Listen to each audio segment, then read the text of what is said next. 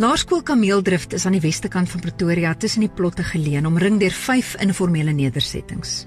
Die skoolhoof, Marina van die Kerk, is 'n mensemens, 'n omgee mens en 'n harde werker en onder haar nederige leierskap groei leerdergetalle tot 705 en sien sy en haar span wonderwerk op wonderwerk soos God vir haar kinders voorsien in elke behoefte, van klere en toiletware tot kos en skryfbehoeftes waarby Groot FM ook al betrokke was. Ons het in 2019 as deel van ons stasie se verjaarsdag groentetuine help plant in die 5 tonnels wat vir die skool se voedingsskema voorsien. 345 kinders eet 2 maaltye 'n dag en tydens die inperking in die skool saam met die gemeenskap aan 400 behoeftige gesinne kos voorsien. Ongelukkig in hierdie selfde tyd was hulle ook die slagoffer van 'n inbraak met verlies aan al hulle elektriese en ander gereedskap, verf vir die geboue en sportklere waarop hulle hoe lank gewag het en van dit is nog nie eers gedra nie. Maar die Here sal voorsien, soos hy nog altyd het, getuig Marina en dis ook wat sy haar kinders leer. Volg jou drome, glo en vertrou. God sal voorsien. Uh Marina, ek voel eintlik al heel tuis as ek hier by jou kom kuier want ons het al lekker raakpunt in die verlede gehad.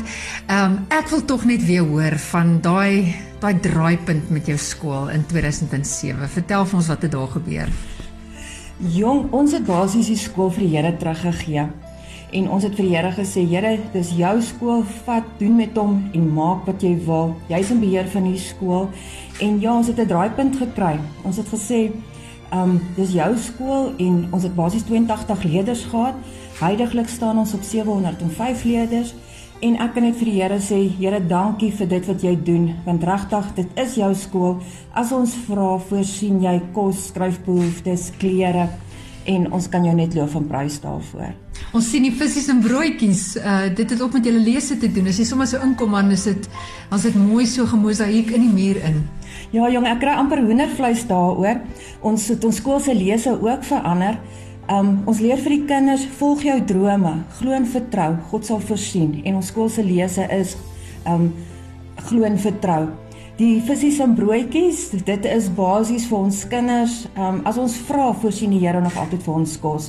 En ons weet dit is hoekom hierdie pro projek wat julle op die oomblik ook loods wat my so na in die hart is want ek weet as die Here vir ons kan voorsien, gaan hy hierdie Eh, projek in oorvloed seën.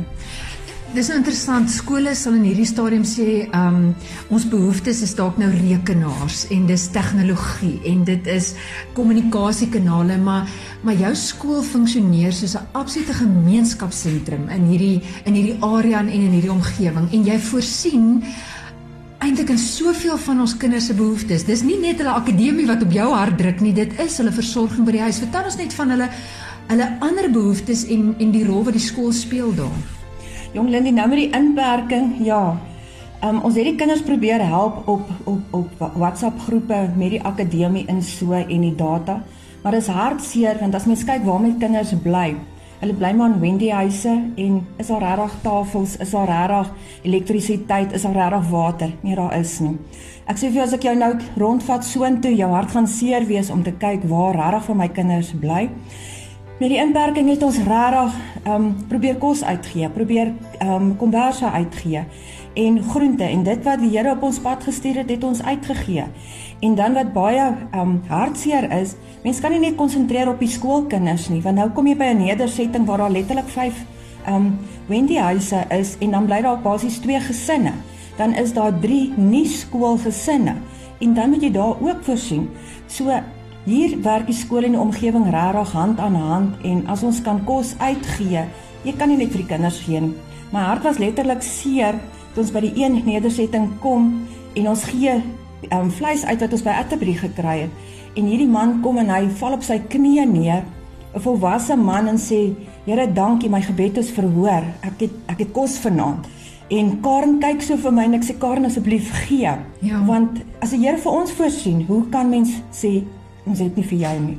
So, ja, um, ja ons jy, jy het hulle jy het hulle ma geword, jy het hulle ehm um, versorger geword. Ehm um, vertel ook vir ons die die gesinne wat sê my juffrou sê het gekom, ek het mos geweet sy gaan kom. Lindy my nie laat maak hy nie. Ja. Dit was hartseer as mens ek en my man so ry en ons gee die kos uit en en so en die kinders kom by jou en as jy daar stop, hulle herken die kar, hulle weet waar ons bly.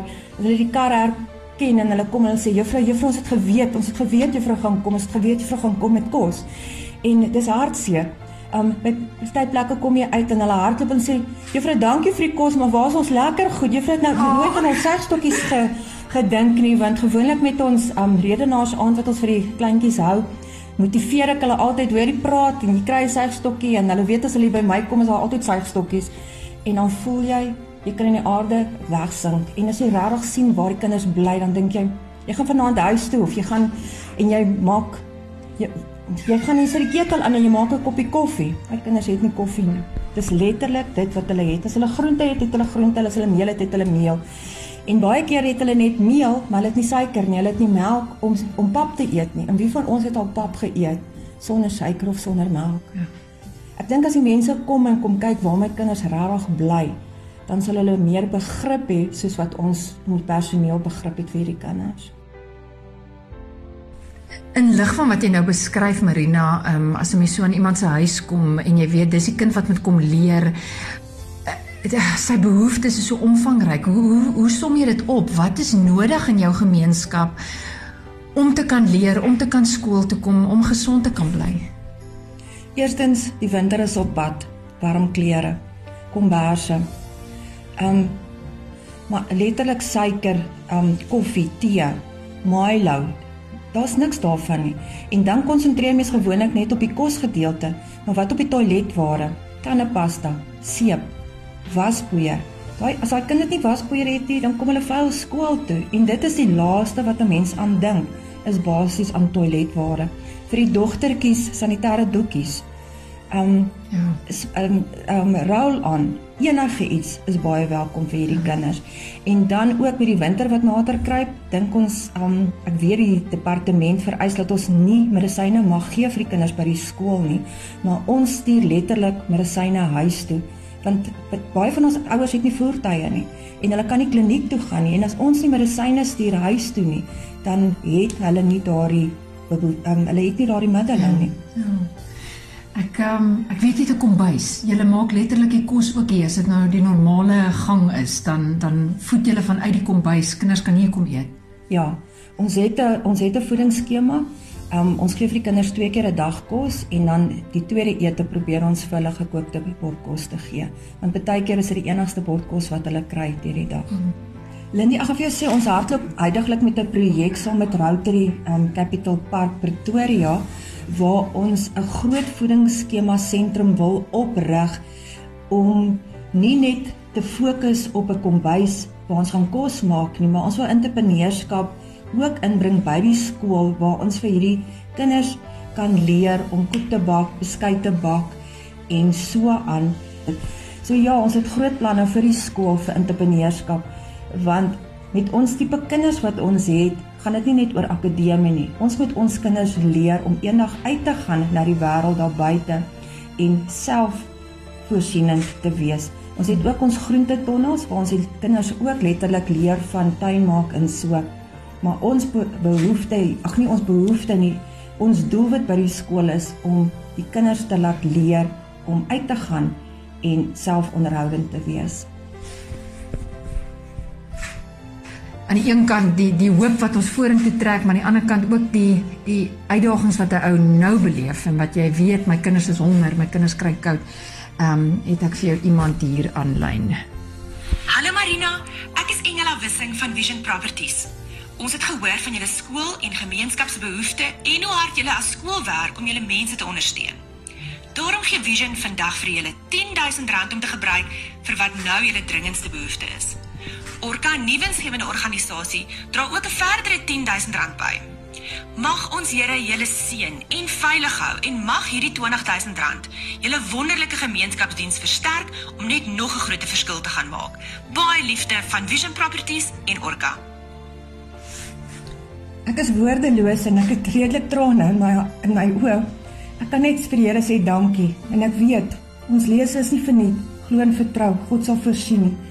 God gaan voorsien en ons gaan in al ons behoeftes vir ons kinders kan voorsien. En ek kan net vir julle sê baie baie dankie vir die mense wat op die projek gaan deelneem en die mense wat al reeds op die projek betrokke is. Baie dankie en God sal julle ook mildelik voorsien en seën. sy kan trane hy. Các!